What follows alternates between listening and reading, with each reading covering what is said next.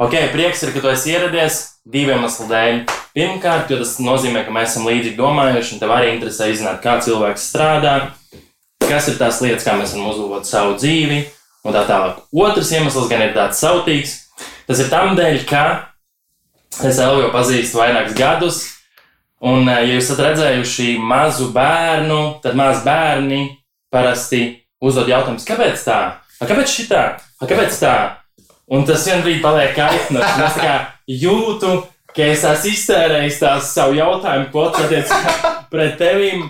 Un uh, es jau jūtu, ka tas paliek nepieklājīgi. Tev uzdot jautājumus. Es tam nemaz negribu uzdot vairāk. Es, es, ja, man ir, ja man ir pāris jautājumi, tad es sāku domāt, kur labāk uzdot. Jo šodien es, es katru dienu mēģinu uzdot tev aptuveni trīs jautājumus. No... Jā, tā izskat, kur ir tie, ko vajag. Kur ir visbūtiskākie? Šoreiz Šoreiz mēs runāsim par lietām, kas ir būtiskas, būtiskas cilvēkiem, kas visticamāk, ja, kurā cilvēku kategorijai, kurā visticamāk iedarēs arī tu. Jo tūkstošiem gadus atpakaļ mūsu dzīvesveids atšķīrās no tā, kāds tas ir šodien. Agrāk mēs, mēs visi sekojam pa lielam pārtikai.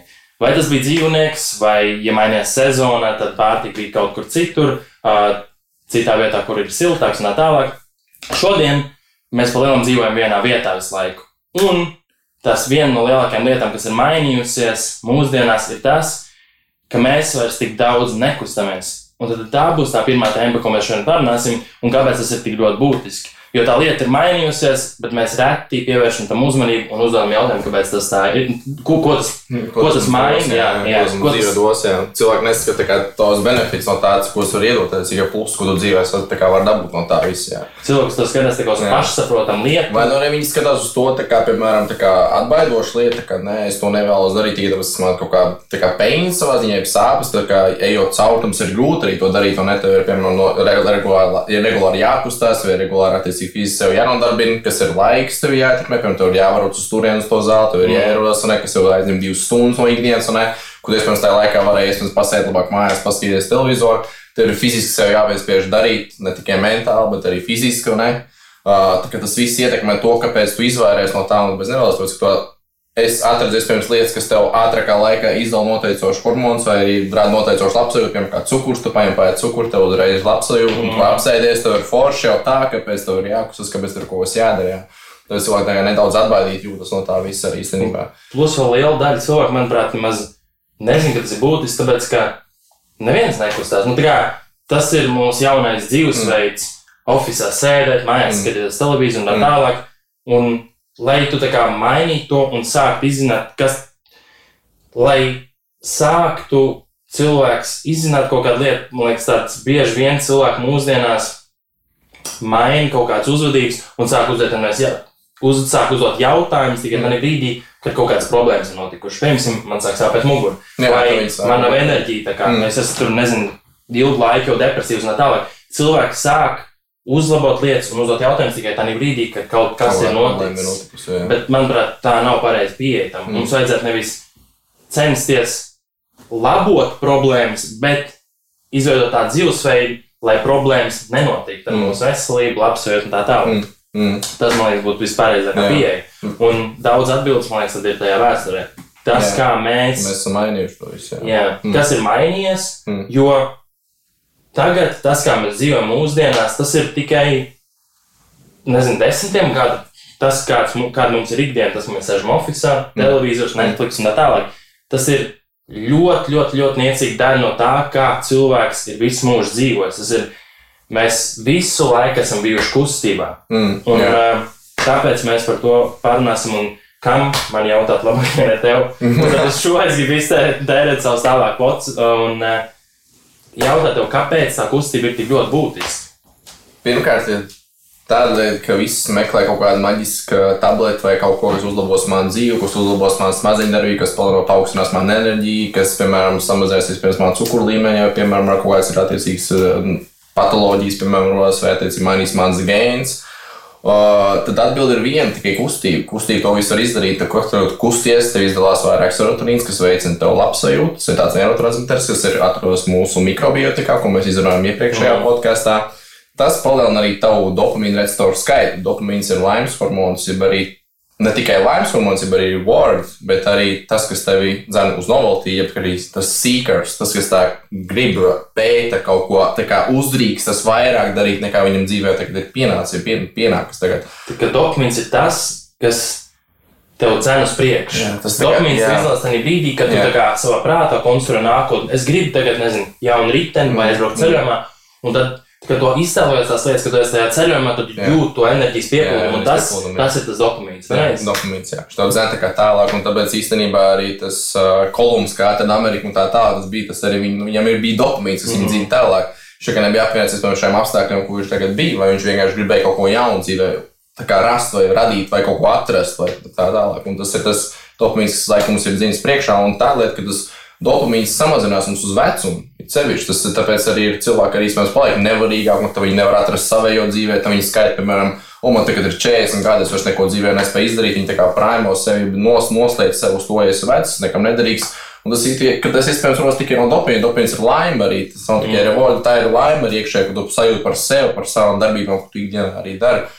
Un runājot par enerģiju, vēl, ne, tas ir tādēļ, ka kustība tev veicina vairāk insulīna receptors. Izstrādā insulīns ir tas enerģijas piegādātājs, jeb arī pārtiku tu apēdi, jeb arī lietas, ko tu dari dzīvē, tas to pārvērš un piegādā, jeb arī veido enerģiju attiecīgi iekšā mūsu sistēmā. Un ir tādēļ, ka tas arī samazinās mums uz vecumu. Šī darbība viss arī samazinās mums uz vecumu. Ne tikai uz vecumu, iespējams, arī mēs ēdam sliktu pārtiku ikdienā, tas arī to ietekmē, ja mēs tik daudz arī neguļam, arī tā paša laika ietekmē? Ja mēs domājam, ka esam paaugstinātā stresā, kas arī samazina mūsu vēl smadzeņu darbību, kas samazina mūsu enerģiju, kas samazina mūsu insulīna receptors arī? Tas viss ir liela, liela, liela putrā, bet tie benefiti ir tik daudz, ka tu vienkārši tajā kustībā tu nosauc, vienkārši tev izdalās tur serotonīns, vairāk izdalās dopamīns, tev izdalās vairāk tev insulīna receptori, tev vairāk ir. Tev arī izskats ir labāks, un ne? tev arī samazinās ķermeņa svars. un Ne? Tas arī ir vēl viens īpašums, ka cilvēks arī paskatās spogulī, viņš redz sevi izskatīgāk, viņš, viņam arī labāk, arī lielāka pārliecība arī dzīvē kas arī korelēs pārsvarā, cilvēki iet uz zāli, viņi arī jūtas labāk. Un uh, ir tāda lieta, ka arī tas arī palielina tavas smadzenes, tas arī palielina tavas smadzeņu darbību, tavas smadzeņu spēju darīt vairāk arī ikdienā, un arī tavas sociālās prasības tas paaugstina arī ikdienā.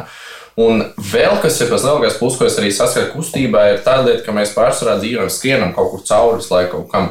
Mēs laiku skrienam, tiecamies pēc kaut kā, visu laiku gribam kaut ko izdarīt vairāk un tā tālāk, bet saprotam to, ka mums ir kaut kādā jāapstāj. Tas prāts arī kaut kādā ziņā, un ne kaut, kaut kādā brīdī šī jāapstāj. Tu nevari visu laiku, laiku tikai spiest gāzi un nekad netaist vaļā un neielikt otrā ātrumā vai trešā ātrumā. Ne? Tu nedrīkst to sev laiku pārtāt, tu vienkārši ātrākā laikā sev pārkarsēs. Un arī kustība, ko es saskatu, ir liels pluss, ka tas tev atbrīvo prātu. Vienkārši tu koncentrējies kaut kādām noteiktām darbībām, kas tev nav ikdienā. Tāpēc arī pārsvarā, kad cilvēki nāk pie manis uz, uz zāli, pie manis trenēties, viņi pārsvarā pēc treniņos vienkārši wow!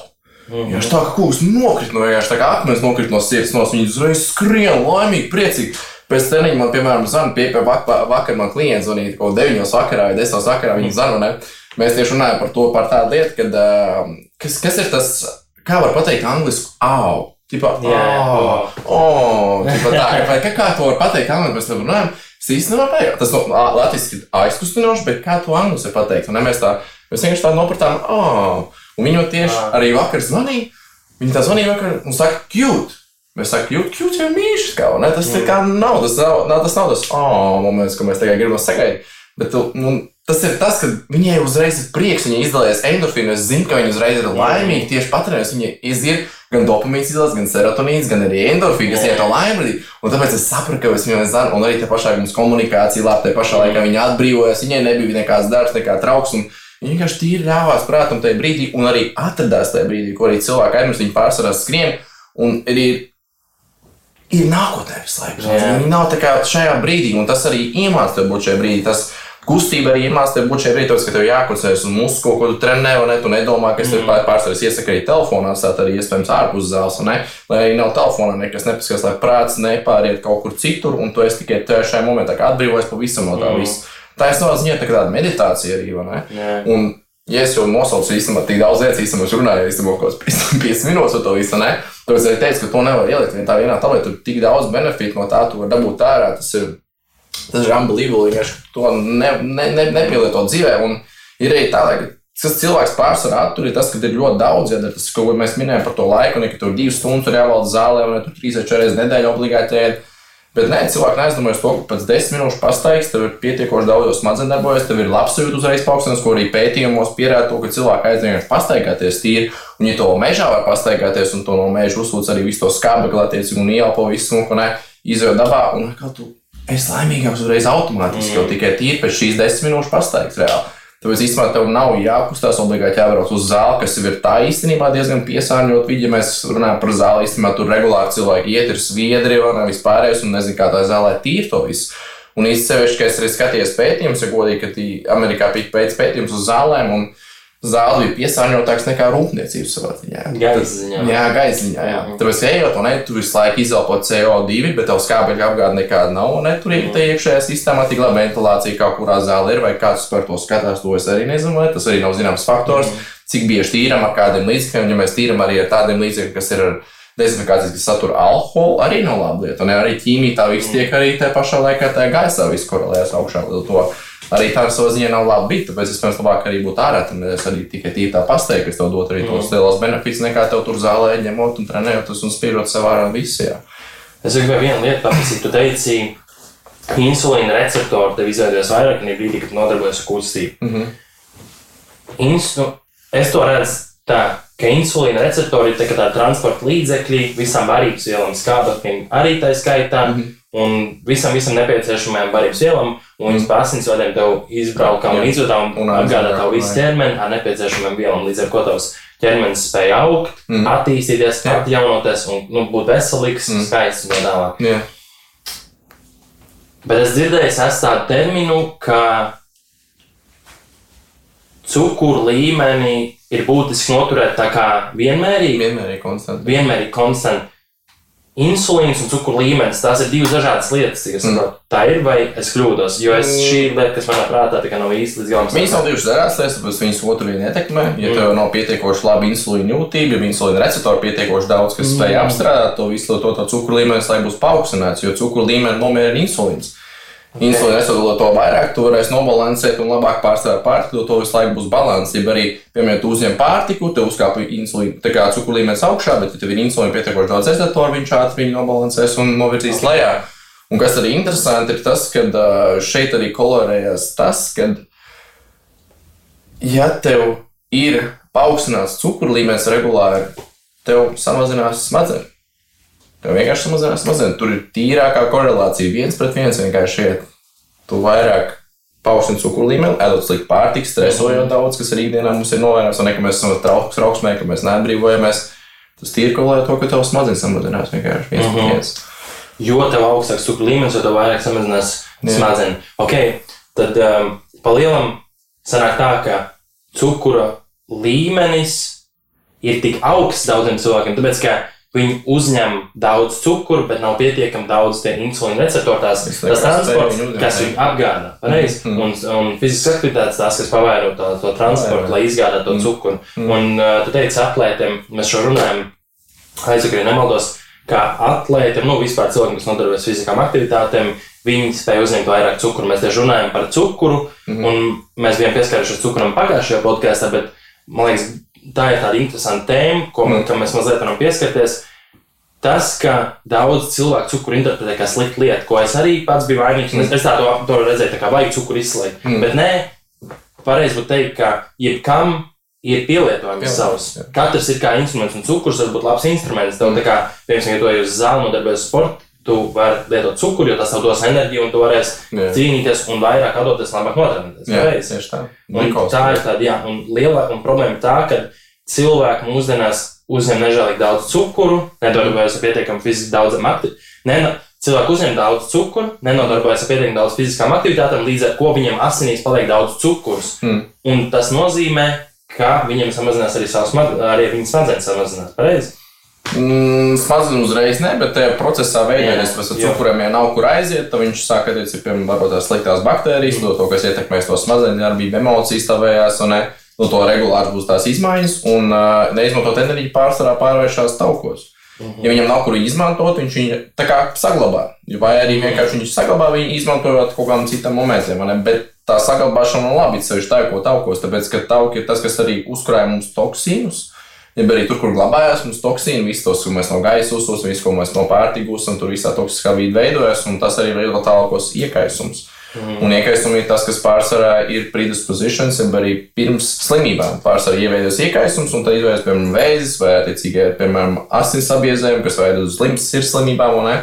Tas iekaisums ir visu, visu, visu, visu radītājs visām patoloģijām, jā. Jā, visām slimībām. Tas ir tāds pirmais iekaisums, ir pirmais kas parādās pirms kaut kādas pirms kaut slimības vai mm, problēmas. Jā, tāpēc arī pārsvarā skatās, ka iekaisuma marķieris, piemēram, tur, kas ir pārsvarā analīzēs, pārsvarā skatās to kopējo obaltumvielas, tas ir CRP, jeb kā pateikt īstenībā latviešu, kas to nepateikšu godīgi. Uh, Proteīna kaut kāda, es nezinu, kāpēc CRP. CRP viņa pār, tas ir kopējais obaltumvielu, mm -hmm. kopējais, jā, obal, kopējais obaltums, jā. es nezinu, CRP pārsvarā. Jā, kopējais obaltums. Kopējais obaltums, jā, viņa tas ir viens no iekaisuma marķeriem, ko pārsvarā es asins analīzēs, piemēram, apskatot to, mēs varam no, no, no vismaz fiksēt jau, vai tev nebūs kaut kāda, piemēram, tūlītējā laikā, piemēram, kaut kāda sirdslimība, vai tev nevarētu veidoties, piemēram, kaut kas tāds. Piemēram, arī skatās arī hemoglīnu pārsvarā, skatās, piemēram, kā tos, ko visam skābt galvā. HbA1c arī skatās, kas ir trīs mēnešu cukuru līmenis svārstības, kāds tev ir, ko arī var cilvēki arī paskatīties, piemēram, kas ir ikdienā ļoti daudz cukuru, vai uztrauc arī par šo, ko mēs runājam, piemēram, vai viņam balans tas ir starp cukuru līmeni vai nav arī tajā ikdienā. Un, jā, tāpēc arī regulāri, ko es iesaku cilvēkiem, ir pārbaudīt asamnīcas analīzēs, kā tev viss ķermenis strādā kā kopēja sistēma, vai, piemēram, hormonālā sistēma ir balansā, vai tev nav iekrājumi kaut kāda, kas ir arī interleukin 6, interleukin 2 un tā tālāk pārbaudīt visus tos, kas ir iekrājumi marķieri, ko mēs varam pārbaudīt. Uh, Fibrinogēns arī, arī prostats, arī vairāk dzirdēt hormonu, mēs varam pārbaudīt holesterīnu līmeni, mēs varam pārbaudīt arī tas, uh, Tas arī ir diezgan īstenībā svarīga lieta, par ko cilvēki pārsvarā arī neaizdomājas, ko vajadzētu arī kam ko vajadzētu pētīt arī līdzi, ko es arī ieteiktu no savas puses, arī vismaz vienreiz gadā vismaz nodot asinscelīs, paskatīties, kā iekšējā sistēma tev strādā. Jo citreiz tie, tas, tas nerezumē ar to, ko tagad dzīvē piedzīvo. Bet iekšēji iekais un neredz, ka tu iekais, piemēram, kaut, kā, kaut kas ir iekais, tu jau neredz to. Ne? Tu tāpat operēt savu dzīvi, neiesmas maškā enerģija, kaut kāda bišķiņa zūd, kaut ko aizmirst pa laikam, man, bet to tā kā uzskat, ka tas ir normāli, tāpēc, ka tu esi neesi izgulējis kaut kas tāds, bet nē, iesmas ir iekais un kaut kāda iekšēji, kas tev aptur visu laiku regulāri. Jā. Mm -hmm. Jā, tad tu nevari redzēt to, kas tev iekšā notiek, varbūt kaut kādas mm. garstāvokļa maiņas, tādas ir kā, kā kaut kas tāds, kas tev pasaka, ka kaut kas nav tā, kā vajag, un tad vajadzētu pārbaudīties, lai redzētu šo ainu un saprastu, mm. kas notiek viņu. Jā, un ja kādam, ja kādam interesē īstenībā, to, ko tieši pārbaudīt, ko es specifiski pārbaudīju, es droši nosūtīju, varu uzrakstīt, piemēram, man privātu message vai arī cienu laiku. Mums uzrakstīt droši nosūtīšu visu, ko vajadzētu regulārs un vienreiz gadā nodot. Un, jā, lai izvērstu no mm. tālākās, piemēram, kaut kādas slimības, vai arī uzlabotu savu veselību, vai uzlabotu savu enerģiju, vai labsajūtu tā tālāk, un, un saprast to vislabāk. Tas ir daudz, jā, koncentrēties nedaudz. Jā, jā ok. Tad ļoti da, liela daļa cilvēki vēlās samazināt savu lieko svaru. Mm. Un tad tas nav noslēpums, ka fiziskas aktivitātes tev palīdz to izdarīt, samazināt mm. savu lieko svaru. Un tas ir tam, viens, ja es pareizi saprotu, tad viens no iemesliem mm. ir tas, ka to palielinās insulīna receptori. Tas Jā, nozīmē, ka tu tos barībvielas mm. spēj apgādāt pa savu organismu, mm. viņas nenoliek rezervē, bet tu mm. reāli viņas izmanto, mm. jo katrai no tām ir pielietojums. Mm. Mm. Ir vēl kaut kāds iemesls, kāpēc tev fiziskas aktivitātes palīdz notēvēt? Yes, ļoti labs ir tas, ka uh, ir tāda lieta, kad, ja tev ir vairāk insulīna receptori, tev labāk nokontrolēs cukuru līmenis. Jo tev mazāk ir cukuru līmenis svārstības, jo tev mazāk prasās kaut ko sliktu apēst, kas būtu cukurs. Mm. Kas pārsvarā ir, ja tev cukurs pārāk augsts, viņš nokrīt lejā pārāk zemu, ko no nekontrolē insulīns, un tad tev prasās kaut ko tūlītēji apēst. Un tūlītēji enerģija, kas visātrāk mēs varam saņemt, ir cukurs. Tāpēc arī pārsvarā, ka tev nav enerģija, tu gribi sēžties pēc cukura, jo tas tev tūlīt enerģiju dos, un tu tā kā varēsi operēt tālākajā dzīvē. Tas smadzenes vienkārši prasa tūlīt, jo viņš saprot, to, ka viņam kaut kas nav rītīgi, ne jau kaut kas nav rītīgi, bet iespējams kaut kas ir uzbrukt vai kaut kas ne, ne, ne, ne uzbrukt, nepateikt, bet uh, kā pēc iespējas ātrāk sev dabūt normu stāvokli, bet kā organisms vienmēr cīnās par to homeostāzi, balansu vienkārši ķermenī. Ja tu izēji kaut kur ārpus balansa, viņš cīnīsies, kā es pēc iespējas ātrāk dabūšu balansā atpakaļ. Un smadzenes tev sāk apēt cukuru, lai atkal viss nobalansē, tā kā ir enerģija, es varu darboties tālāk un darīt savas lietas, lai man nav tā, ka man dzīvnieks uzbrūk, man nav enerģija, aizmigt to viņu prom, piemēram, vai arī operēt kaut ko savādāk dzīvē, piemēram. Un arī vēl, kas ir, ko es gribēju pieminēt, arī pie šī, ja tas insulīna receptora palielinās, ir tā lieta, ka arī tev mikrobiotika mainās arī. Ka mm. tu arī kad uztrenējies, tev arī samazinās to apetīti pārsvarā, ko cilvēki man īstenībā saka. Viņiem mazāk gribas ēst kaut kādas sliktas lietas. Un īstenībā pētījumos arī apskatīja to, ka cilvēkiem tikai lika uztēties, bet uh, viņi īstenībā sāk ne tikai vairāk uztēties ikdienā. Nu, pētījums tikai tā, ka uh, bija vairāk, nu, kad noteikti 23 minūtes pakusties ikdienā vienkārši un pētīt tos cilvēkus. Viņam, protams, uzlabojās garstāvoklis. Un, uh, tas bija galvenais, ko viņi pētīja. Bet viņi saprata to, ka cilvēks sāk pareizāk ēst arī. Vairāk plānot dzīvē, plānveidīgi savu dzīvi, vairāk dzīvot. Nebija tā kā hausā tā dzīve, mazāk stresa cilvēkam arī bija. Ne? Līdz to ir tā, lai tev samazinās arī apetīti, un kas varētu korelēt to, ka tev arī mainās mikrobiotika. Arī. Kad tu trenējies zālē, ja kusties vairāk, tad mainās arī mikrobiotika. Un vēl kas ir interesanti, kas arī vēl iespējams var aizvest no tā veiklos, ir tas, ka nu, tā veiklos ir tā lieta, ka tev arī mainās smadzenes. Kas arī ir interesanti, ja tu mainās smadzenes, tu labāk spēj kontrolēt no to savas darbības, no to tavs smadzenes nesaka, ko tev darīt, bet tu spēj nokontrolēt viņu un likt darīt, kā tu vēlēsies pats dzīvot to dzīvi. Nevis, ja man samazinās cukuru līmenis, uzreiz smadzenes saka, nē, glikozi man vajag šajā brīdī, bet tu saki, nē. Vai, piemēram, fasting šajā laikā, es nevēlos. Es īstenībā piemēram pakustēties, un es to arī normalizēšu tādu cukuru līmeni. Jo tāpēc, ka cukuru kustība arī normalizē cukuru līmeni tūlītēji. Tāpēc arī īstenībā interesanti tas, ka, ko es pārsvarīgi reizes daru, ir tā, lai, ja es spētu kaut kādu lielāku ēdienu reizi, tad es vienkārši aizēju automātiski pēc ēdienas pastaigāties. Jo zinās, ka organisms labāk pārstrādās, un man normalizēs cukuru līmeni. Ja man normalizēs cukuru līmeni, tad to man labāk tiek pārstrādāt arī. Mm. Tāpēc arī tāda, ko tu izmantot arī pēc ikdienā, pēc ēdienas, vienkārši tu kaut kādu grūtu ēdienreiz, vienkārši aiziet pastaigāties ārā, to, to, to labāk pārtika pārstrādās, jo normalizēt cukuru līmenis nav trauksme, tad to var organisms operēt labāk un saņemt šīs vielas.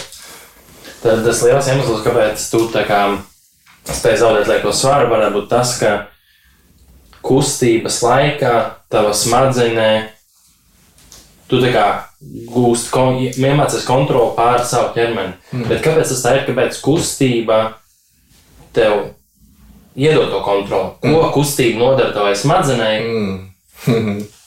ka tu spēj labāk pārvaldīt savu Jā, dzīvi. Tā ir mana tēma, tā man patīk ļoti.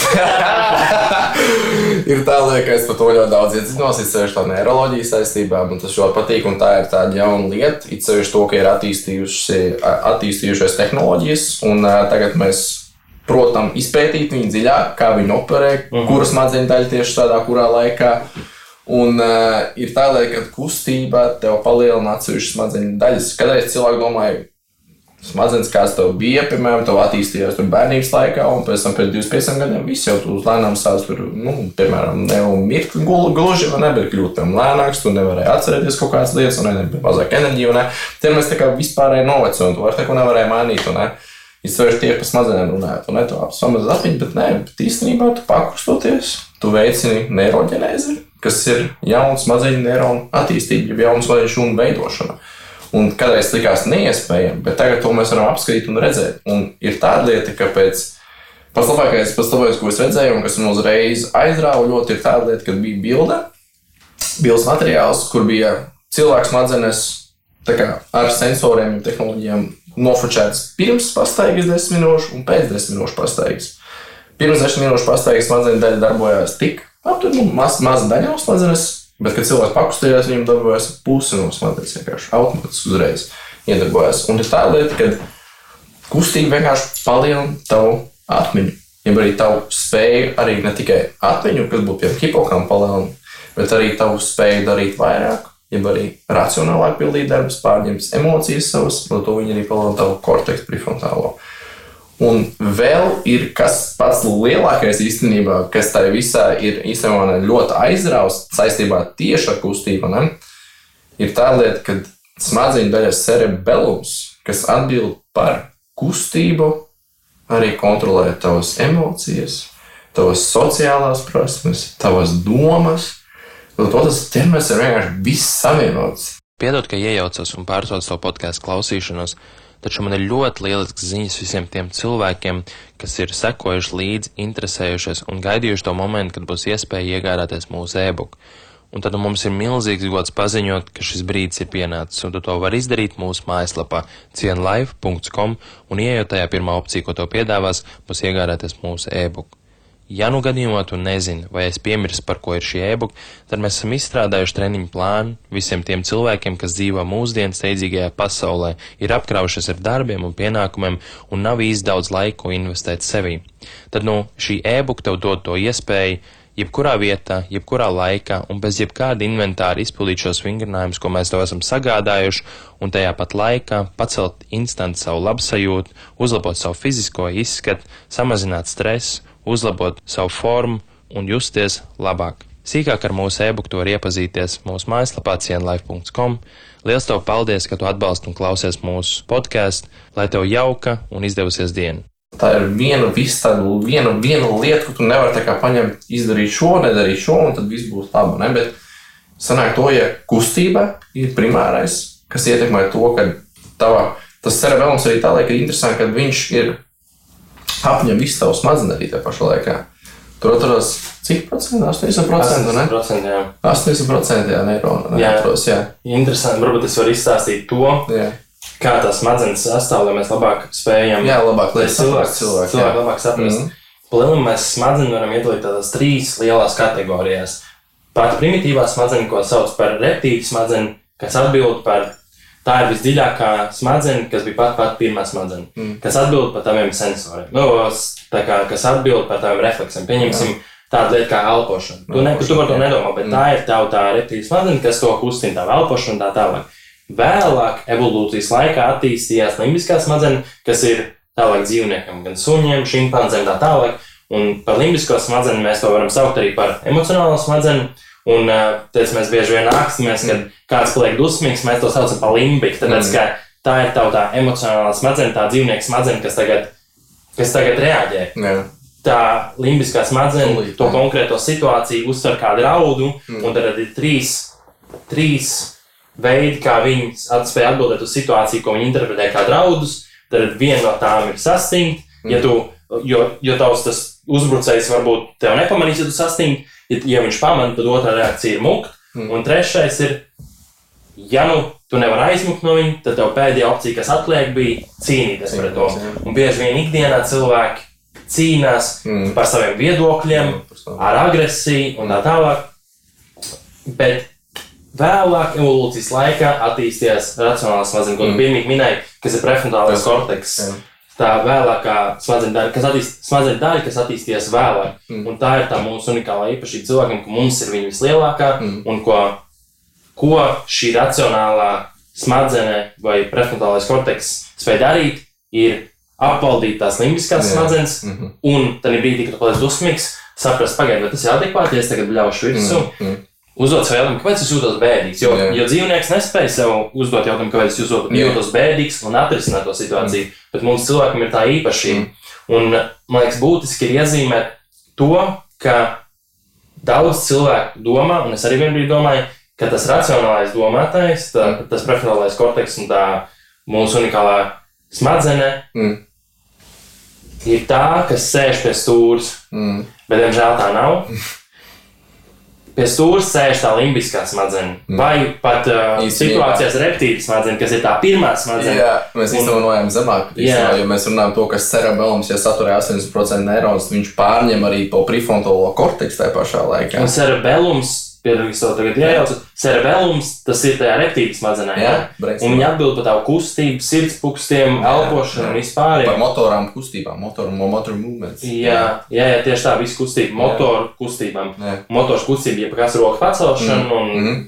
staigāšana, elpošana vispārējais. Jā, jā. Un tas cerebellums, viņa tā smadzeņu daļa ir sasaistīta ar 80% Mm. no pārējās tavas smadzenes. Mhm. Tas nozīmē, ka liela viņa kontrolē lielāko daļu tavas Jā, smadzenes. jā. Un ko dara kustība, tad ir attīstīta to. Attīstīt, un tāpēc, ka, tā, ja, ja kur motor, mo- motoru movements ir kontrolēta ar šo daļu, un viņi apņem to visu, tas sanāk to, ka kustība ietekmē tavu labsajūtu palielinu. Nu, ja, ja, piemēram, ja pārsvarā cilvēki, kas ir depresīvi, cilvēki, viņiem nav enerģijas, viņi negrib kustēties, viņi negrib kaut ko darīt.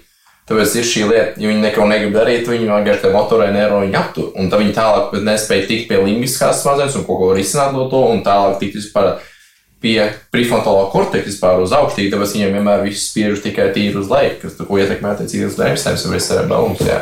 Kas tieši notiek tam, tā kā, ok, cerebellums, tas ir tā, tā, tā smadzeņu daļa, kas atbild par kustību. Mm. Tad brīdī, kad tu nodarbojies ar fiziskām aktivitātēm, viņi attīstās, tā kā auga lielāks, cik saprotu, pareizi? Jā, attīstās. Attīstās. Nostiprina tos ceļus, nostiprina visus tos ceļus, padara spēcīgākus, lielākus, biezākus. ne? Atšķirībā kāda kustība to arī dara. Jūs, piemēram, dari aerobas slodzi, viņi veido jaunas, piemēram, neironas aerobas slodzes. Tas nozīmē, ka aerobas slodze nozīmē, pieņemsim, staigāšanu, Jā, aerob, jā. Tas ir Staigāšana. tīri, ka tu spēj paelpot kustības laikā, piemēram. paaugstināt jā. asinsrite. Jā, paaugstināt īstenībā. Jā, paaugstināt asinsrītu, var asins spiediens nedaudz paaugstināt, bet tas ir. Nav tik augsts, ka būtu intensīvs slodzes, kas varbūt vairāk intervāla termiņu, piemēram, veidā, kad ir sprints kaut kāds. un Ne? Bet aerobas slodzi, ka tu spēj parunāt, un tev ir ļoti laba skābeļa kabelē, tu esi ieelpot brīvi, var izelpot, un tā pašā laikā parunāties ar cilvēku. Ne? Bet intensīvs ir, ja tu skrien sprintā, kas ir nedaudz savādāk. Tas ir no to, ka tev ir asinsspiediens uz 160 un 140 augstāk, un ne? ka tu jau esi fiziski lielākā slodzē, un uh, tu nespēji tajā laikā tik labi apgādāt sevi ar skābekļu, tāpēc, ka tur arī skābekļa patēriņš ļoti liels, un no to trūkums arī veidos. Un uh, ir šīs, anē, tā ir anaerobās slodzes. pareizi? Anaerobas slodzes, tas ir, Tā, ka tad brīdī, kad tu spied no savas maksimāli, mm. viņi arī attīst kaut kādu. Kaut kādas smadzeņu reģionas, tā kā kāds būtu pielietojums tam. Tad ir vērtīgi, ja mēs gribam jaunu smadzeņu Viss, viss pilnībā attīstās. Viss pilnībā attīstās. Jā, viss, viss kustība vienalga, kāda kustība tu veids, pilnībā attīstās. Vienīgais, katru kustību attīstās, piemēram, kaut kāds it kā es minēju, aerobās slodzes attīstās vairāk, piemēram, jauns neirons veido kaut Mhm. kādas ceļus, un, piemēram, balans ir, piemēram, balans termiņi, funkcionālajie termiņi, kur tu koncentrējies kaut kādā noteicoša, piemēram, savu nobalansēt, vai arī, kā pateicu, nezinu, nav, nu, strādājot tīri uz balansu vairāk, Mhm. tu atkal nostiprini saviezinošus ceļus, tad to padara komunikāciju labāk.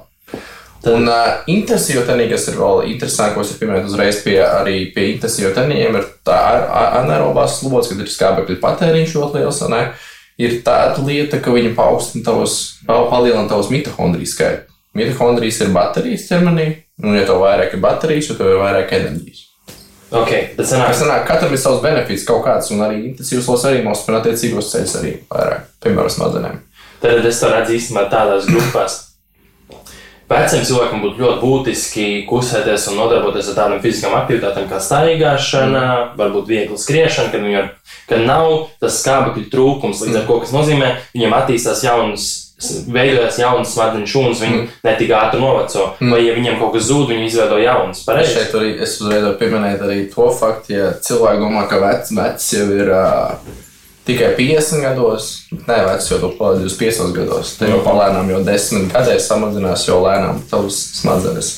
Un 40 gados jau tavs prefrontālais korteks ir samazinājies no 5%. Tāpat arī No kā 25 hipokams. No 25 līdz 40 Ne, gadiem. no 40 gadiem. No 40 gadiem. No 40 gadiem gadu laikā to samazinās par 5%. 10 gadiem. 10 gadiem. Ok. 5%. Ok, tad ir ir hipokams arī, tā pašai prefrontālais korteks, tad mēs ķeramies arī pie dopamīna receptoriem, tad mēs ķeramies arī pie muskuļu masas, kas arī atrofējas. Un, kā mēs zinām, muskuļos ir insulīna receptori. Ja tev samazinās muskuļu masa, tev samazinās arī tā insulīna receptori. Līdz ar to tu sāc ne tikai novecot, bet tu sāc arī resnāks palikt, jo insulīns, kā mēs zinām, ko mēs tikko sapratām, ir transporters. Trans, transports, tā kā visām vielām, ko tu uzņem, nobalansē cukuru līmeni, tad to tu nespēji balansēt tik labi cukuru līmeni. Tad tā kā, tā kā jā, lai īstenībā, lai tu visu to novērstu, īstenībā tev ir tikai jāizdara tas, ka tev ir jāapkustās. Mm. Ik pa laikam vienkārši pakusties, nav obligāti tur jāskrien, kur uz zāles. Desmit minūtes ikdienā pastaigājies kaut kur vairāk nedaudz. Ne, ne, ne noliec mašīnu tālāk, piemēram, no kaut kāda veikala, kur tu ej pārsvarā iekšā. Ne? Nes maisiņas, piemēram, nesum. Vai, piemēram, ar to, mm. kā viņi to sauc, rati, rati, Rati. jā. Sorry, es nezinu, tik latviešu. Tā kā rati, jā, vienkārši tu paņem rokās, jā, izmanto. Tu aizmirsti tos ratiņus, tāpēc, ka uh, tu vienmēr nes. Jā. Un tu nesties, ka tu zini, ka tev veidojas jaunas smadzenes. Jā, jā, nu, bet tāds lietas īstenībā minimāls lietas īstenībā ir godīgi. Mēs esam pilnībā izslēguši sev no kustības. Tas ir labi, vai ne? Mums ir vairāk laiks līdz ar to, vai ne, ko mēs varam izdarīt, bet mēs to laiku izmantojam tikai tīri, lai varam vairāk kaut ko darīt darbos tīri ceļš. Tad, piemēram, cilvēks no oficiāla atbrauc, ko viņš viņš mājās turpina strādāt. Viņš pat uzreiz kaut kā tieši pāriest, viņš uzreiz van boltam vai boltam vai nav kam. Un viņš pat neizmanto savas rokas vairāk. Un Elu to atrofējas arī šie muskuļi, kas ir mūsu gribstrēņi, tad arī Satvēr. Satvēriens. Un satvēriens arī īstenībā korelē ar novecošanu. Jo tev ir mazāks satvēriena spēks, jo tu ātrāk noveco. Tas ir Tas interesanti. ir interesanti. Tas ir kā, nu, piemēram, tas pats arī, kad, ja tu lēnāk ej, tev samazinās, tev smadzenē, kas ir hipokamps. Tas ir atmiņa. Tas ir atmiņā. Tas to, tā kā, man kaut kā visu laiku sēž tā doma vidē iekšā, jo tu kaut kā signalizē ar kaut kādiem signāliem, ka, piemēram, lēni iešana, tev samazinās spēks, tev tur, tā kā, tu tā kā liecini smadzenē par to, ka tu noveco, un līdz ar to viņi tā kā ātrāk tev dod to procesu, jo tu viņai liecini par to, tu viņai saki, no ārējām darbībām, ko darīt, bet viņas jau neredz, ko tu dari tajā brīdī. Mm -hmm. Bet uz lēnāk sāk iet, līdz to man ātrums samazinājās, līdz to man, iespējams, es kā novecoju laikam šajā brīdī, līdz to viņš sāk tā kā dot tev, re, ko es novecoju šo, es novecoju šo un tā tālāk. Jā. Ok. Atgriežoties mazliet pie tām anaerobām, aerobām un balansam, mm -hmm. es to sadalīšu tādās trīs kategorijās. Tad aerobā slodze bija tā, kas tev ģenerēja jaunas smadzeņu šūnas, kas nozīmē, tev aug smadzeņu klātbūtne. Mm. Un ļoti būtiski to var darīt visu laiku. Kā teicu, 25 gadu vecumā tu jau sāc reāli novecot. Tā kā smadzenes samazinās, tev izzūd smadzenes tavējā. Mm. Ja tev izzūd smadzenes, tev zūd kontrole pār savu ķermeni, emocijām un visu pārējo. mm. Tu tā kā sāc zaudēt savu dzīvi palielam. Jā. Un otrais ir aerobās, anaerobās slodzes, kas ir intensīvas slodzes. Un tas, ko tā dara, tā atkal savukārt tā tev dod vairāk baterijas, kā teicu, līdz ar to vairāk enerģijas. Jo tu vairāk ar šādām slodzēm nodarbojies, jo vairāk enerģijas būs ikdienā. Mhm. Un trešais, Un es vēl gribu pieminēt to, piemēram, uzreiz, kāpēc pirmā to aero, anaerobo slodzi un tās mitohondrijas, tās baterijas ir tādēļ, ka smadzenes, smadzenēs ir ļoti daudz mitohondrijas. Un mitohondrijas tas, kas baro smadzenes palielināt, jau arī raisa šo enerģiju smadzenēs. Un visvairāk viņas atrodas tieši smadzenēs.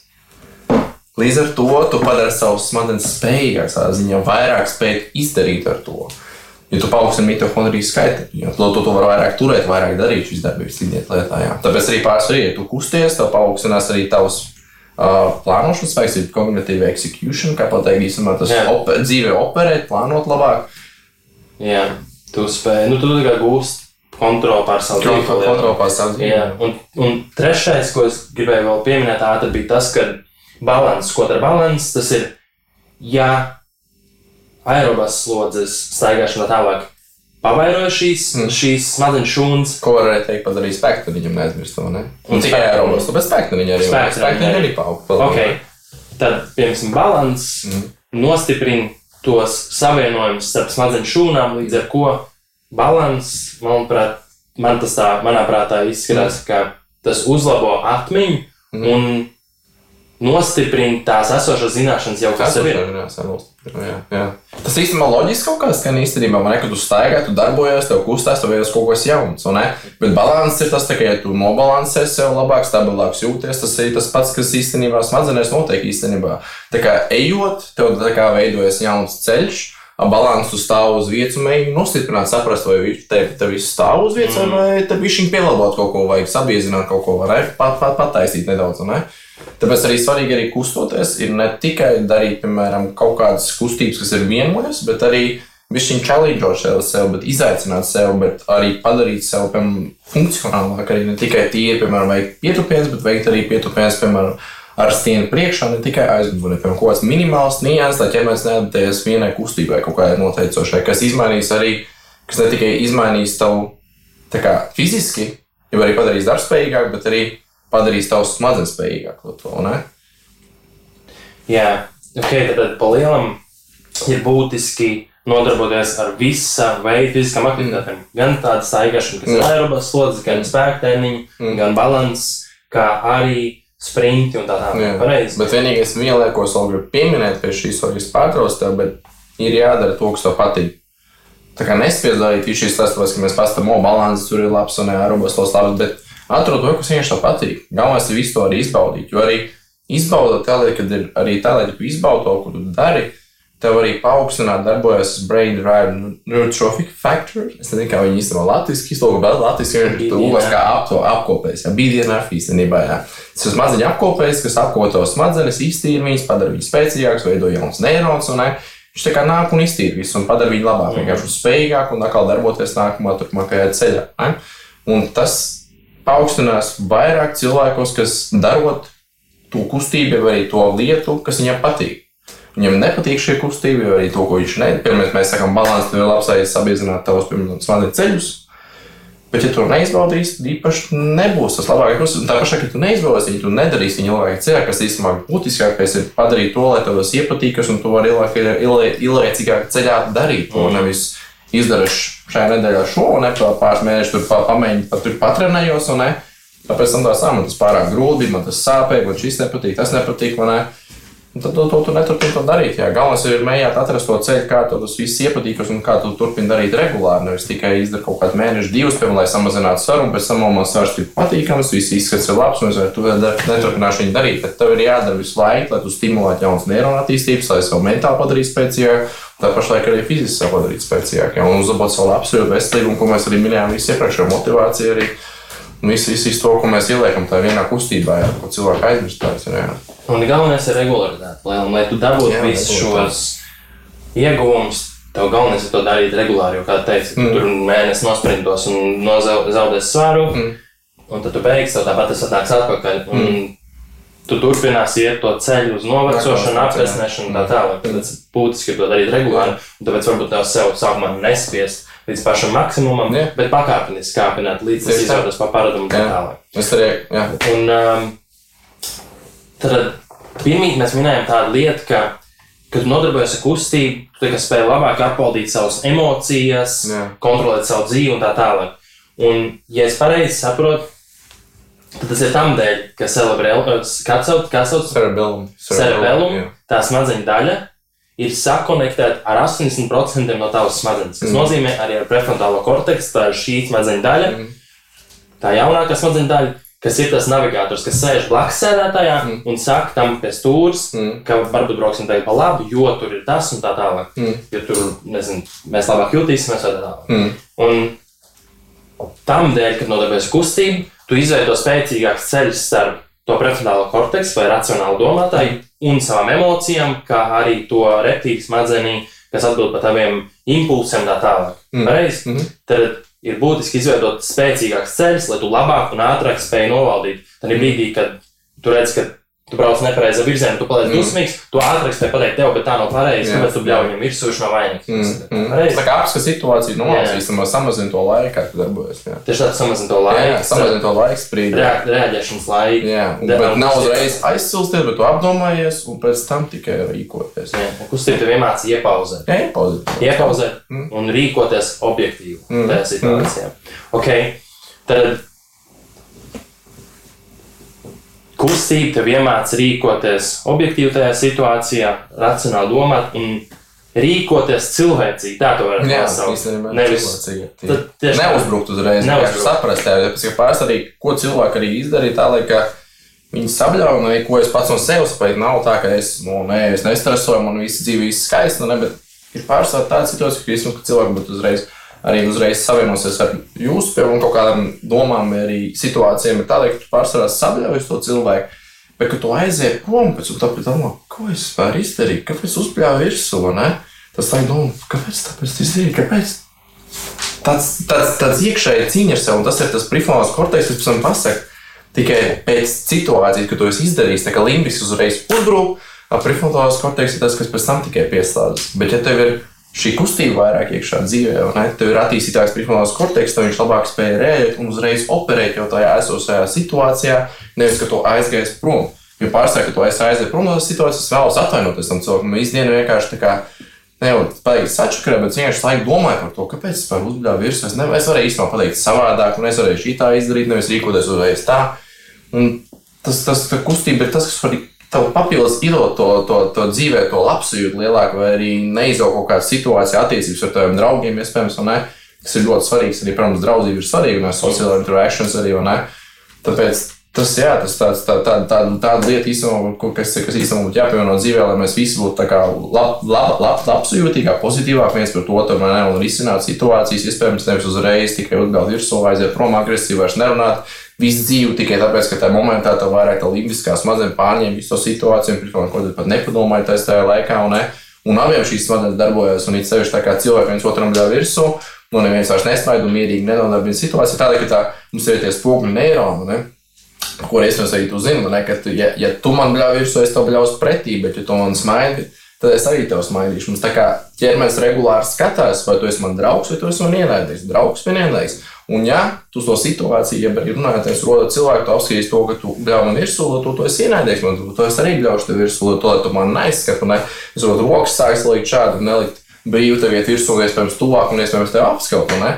Tas kā viss tev apbaida, nu, tā ziņā, jā. Tas emocijas ir ļoti svarīgi lietas, kas īstenībā jākontrolē, tu dzīvē ne tikai vēlēs labas attiecības un nesagraud attiecības, kas tev, tev izveidots, ne, bet arī tālāk operēt dzīvē pozitīvāk, mm. iet savu dzīvi labāk. Taisnība, taisnība, taisnība. Un kustība to palīdz. Tās, to spēt, spēt apvaldīt tās lietas mm. un redzēt to situāciju racionāli. Kur... Jā, un arī īstenībā izmantot to, piemēram, ja tu esi tajā stresā, ir ļoti labi aiziet pastaigāties, arī pakusties tajā laikā. Jo tad iedarbojas prefrontālais korteks, tas mazliet tiek ar endorfīniem, dopamīnu, tā tālāk, ar serotonīnu pacēlās augšā. Ne? Un tas tev liek tajā situācijā apdomāties. Ja tu kaut ko sabļauj, uz kādu virsmu nevar sabļaut, bet tā situācija ir kaut kāda, ko tu zini, ka tev būs tā, ka tev tās emocijas pārņems to, to visu. Vienkārši aiziet kaut kur kādā telpā. Vienkārši nosēdies, vai tu vienkārši tīri nosēdies, apdomājies tīri. Desmit skaitlis desmit, vai arī kādā citam situācijā, vienkārši tīri nosēdies, vai paņem neptaņu, paguldi arī nedaudz, un ne, lai tev viss tas prāts vienkārši nomierās, tīri vai aizver acis, vienkārši apgulēs un nesmuki. Ne? Vai arī vienkārši pastaigājies, un tu zinās, ka tev uzlabosies garstāvoklis, un tā tikai un atkal risina to situāciju. Mm. Ne tajā brīdī tu zini, ka tev vienkārši sāk pārņemt emocijas, un tu nespēji to risināt. Tu, tu zini, ka tu nespēji risināt to situāciju, tāpēc ka racionāli tu vairs nespēji padomāt.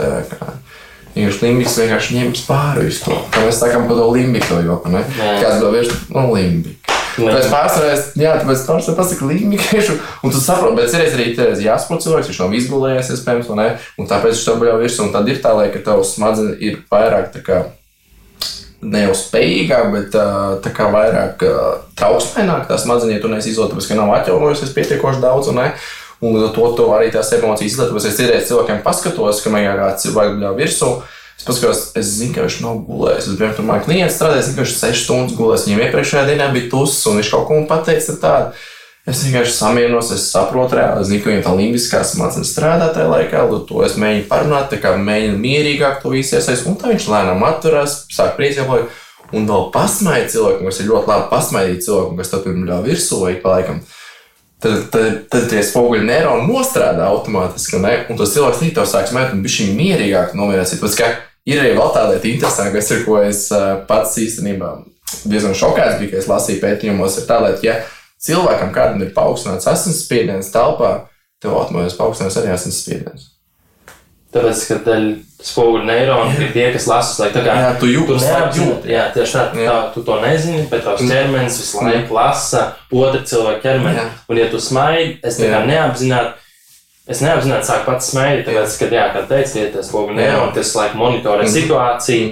Un mans stāvoklis vēlāk ir tā, tā ir mūsu tā sociālā smadzenes, social brain, ko arī Daniels Golmans min, arī tas Harvard zinātnieks, un kas arī pēta to smadzenes, arī uh, skatās, kā smadzenes padarīt labāk, it sevišķi kā fokus paaugstināt. Viņam ir tas uh, tā, koncentrēšanās spējas, kā paaugstināt, vai vispār kā dzīvēt. Viņš par meditāciju ļoti daudz ir iedzinājis arī cilvēks, ka meditācija arī cilvēku neizmanto īstenībā, vēl elpošu meditāciju tā tālāk, kas arī ļoti labs arī to cilvēku izmantot ikdienā labāk apieties ar šīm emocijām. Ne?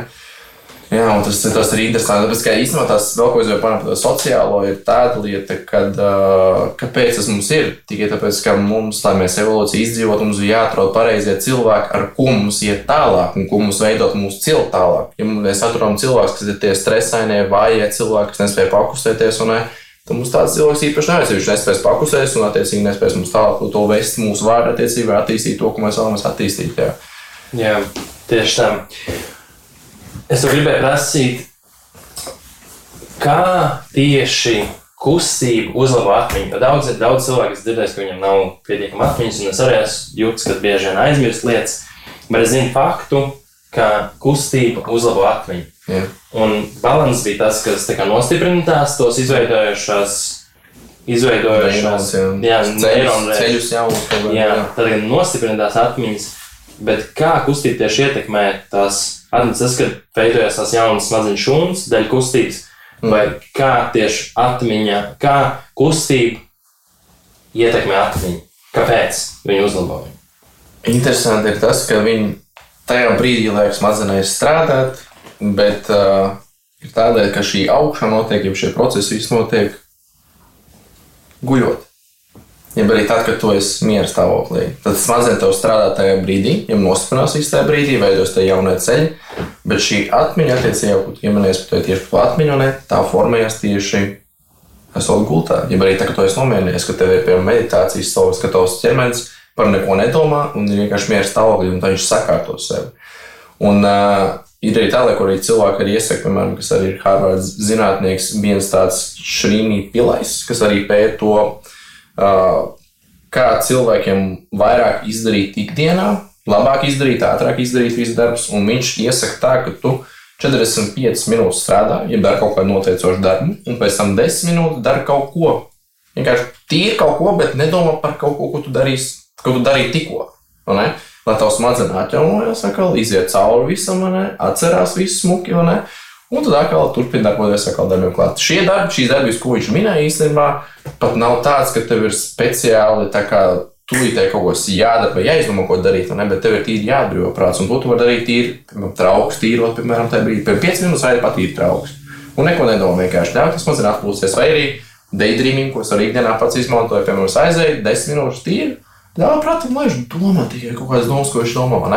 Un tā ir, ka tas mazliet ir miera stāvoklī tad arī tie attīstās tikai kaut kas. Tad arī kaut kas veidojas, tāpēc, ka, kad tu esi tajā stāvoklī, tad viņš arī nevar jau divas lietas darīt vienlaikus.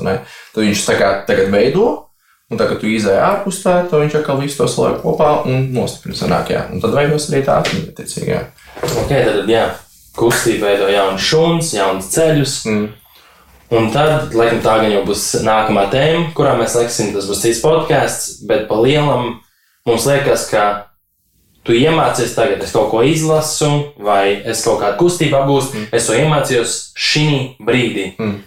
Bet mēs bieži vien, lielākā daļa, es teiktu, cilvēki neapzinās, arī es to neapzinājos, cik ļoti būtiski daļa spēlē miegs. Mm.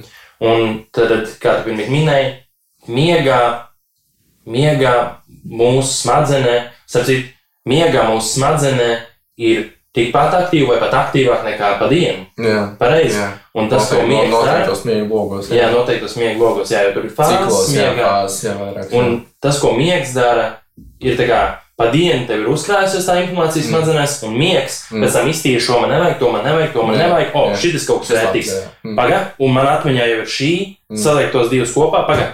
Un to es ar šodien iemācījos. Un viņi saliec, un tev miegā tā bilde izveidojās Jā. skaidrāk, un Mm. labāk tu izproti lietas, un tā kā tu apgūsti, un viņš tā kā noglabā tavā atmiņu lādē tās jaunapgūtās zināšanas. Un, ja tev nav kolektīvs miegs, tu palielināt neapgūsi informāciju, jo miegs ir tur, kur viss saorganizējas, Mm. un tur, kur tev izveidojās tās ilgtermiņa atmiņas. Jā. Jo, jo pa dienu tu apgūsti īstermiņu un miegā ilgtermiņu. Jā, un vēl salēdz visus tos ceļus kopā arī tā pašā laikā. To, ko tu esi iemācījies gadu laikā, 20 gadu laikā, viss tas ir, ko tu esi bērnībā darījis, ko tagad dari šajā brīdī, un tad viņš visus tos emocijas raksturo tā tālāk, īpaši izslēgt visu to kopā. Jā.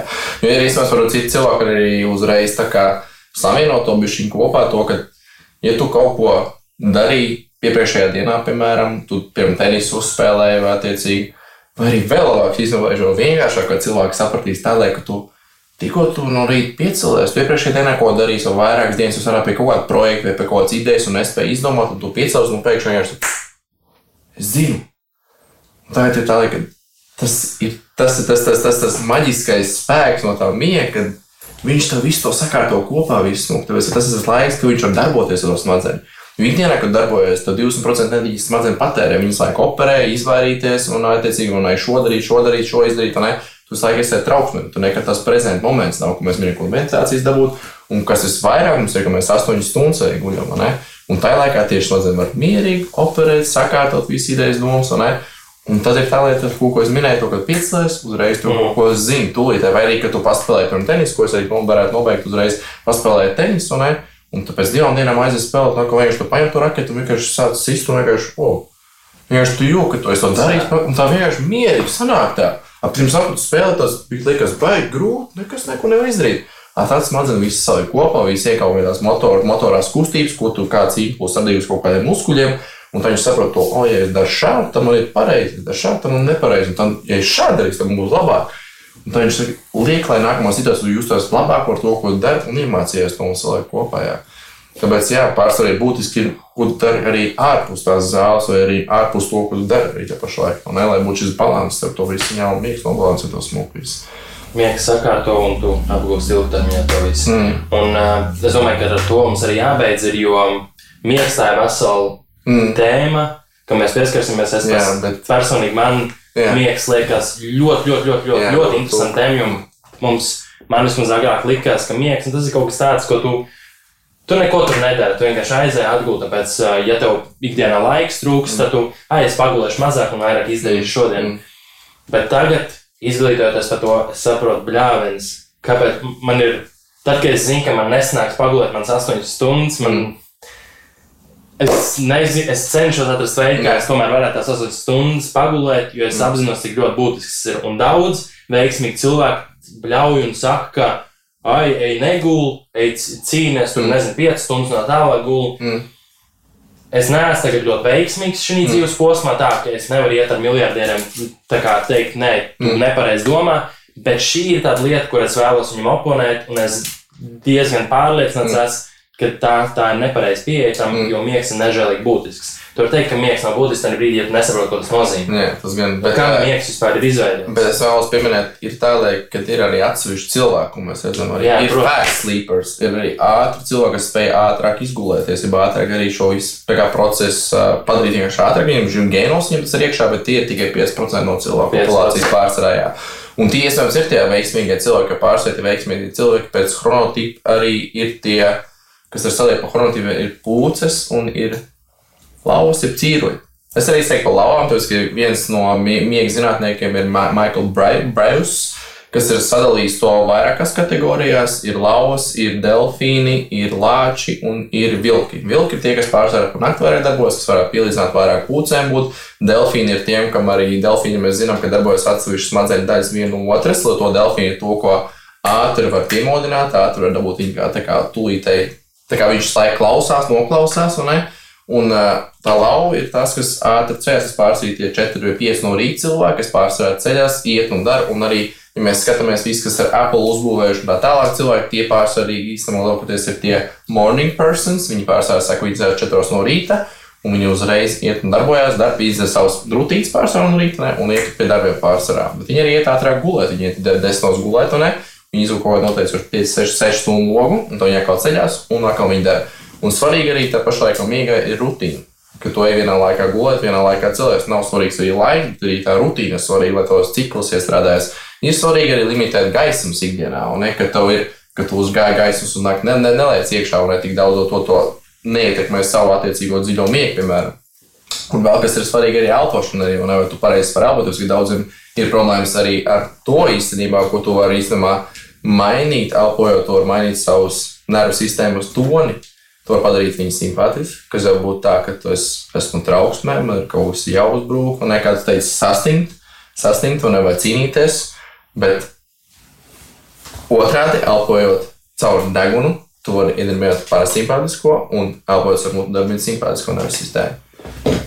Kas arī ir tāda interesanta lieta, ko cilvēki pat īstenībā ne jau nemāķi, bet ne, ne jau bet, nu, kā neaizdomājas par kaut kādām tādām lietām dzīvē, kas ir īstenībā tāda svarīga lieta, kas ir elpošana, īstenībā, kas ir malas pamat, pamats īstenībā visam, uh, par ko cilvēki aizmirst. Pēc, ka, ja mēs paskatāmies uz to, ka, uh, ja tu paskaties uz pirms ēdienu, tu paskaties, piemēram, tu vari neist kaut kādu noteicošu laiku, un, ne, piemēram, tu vari uh, nepadzert ūdeni, piemēram, kādu nedēļu, tu izturēsi, ne, bet ilgi tu nevarēsi pelpot.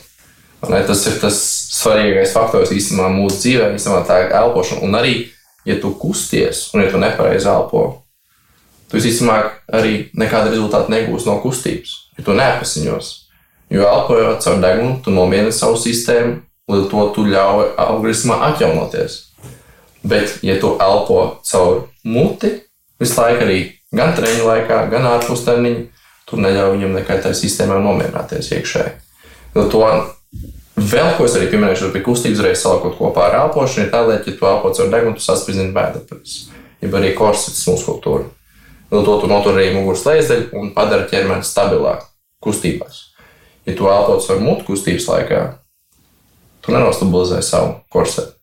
Jo to darot kustības, tu tikai nepasiņo savu smadzenes, tu spēj mazāk kustēties.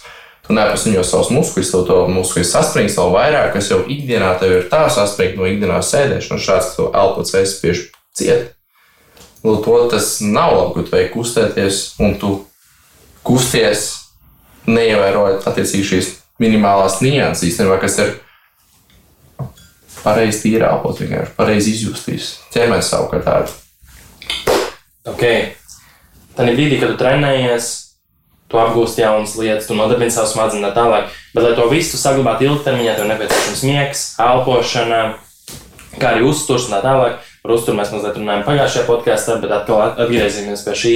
Un šīs visas lietas ir mums jābalansē dzīvē un jāapgūst un jāpievērš uzmanība, jo tas nav tā, ka no viena šī viena lieta tev dos visu dzīvi. Tā nav. Ir daudz dzīve. tikai kustība. Pēķi tev atkal nav miegs, tad tev tā Ja kustība. tev nav kā elpošana, kā tas. Tieši tā, tāpēc viņas visas, tev, viņi tev viņas visas kopā Jā. jāžonglē, un tāpēc mēs atgriezīsimies nākamajā podkāstā un izrunāsim to, kā tev vajadzētu, kā mēs iz... nākamajā podkāstā, es pieļauju, mēs varētu, daudz cilvēku varbūt šo nav dzirdējuši šo terminu, bet izrunāsim miega higiēnu, kā Jā. maksimāli Kā izgulēties, izgulēties. iegūt miega kvalitāti un tā tālāk. Tā kā paldies, tev, ka tu padalījies šodien ar savu Mēs tev tā cienām, Es mēs tev tev arī- tā cienām. In- Paldies par informācijas daudzumu, ko mums visiem deva. Un tad uh, atgriežamies jau nākamajā podkāstā, lai to foršu dienā, sporto, izkusties un par miegu tad jau nākamajā reizē.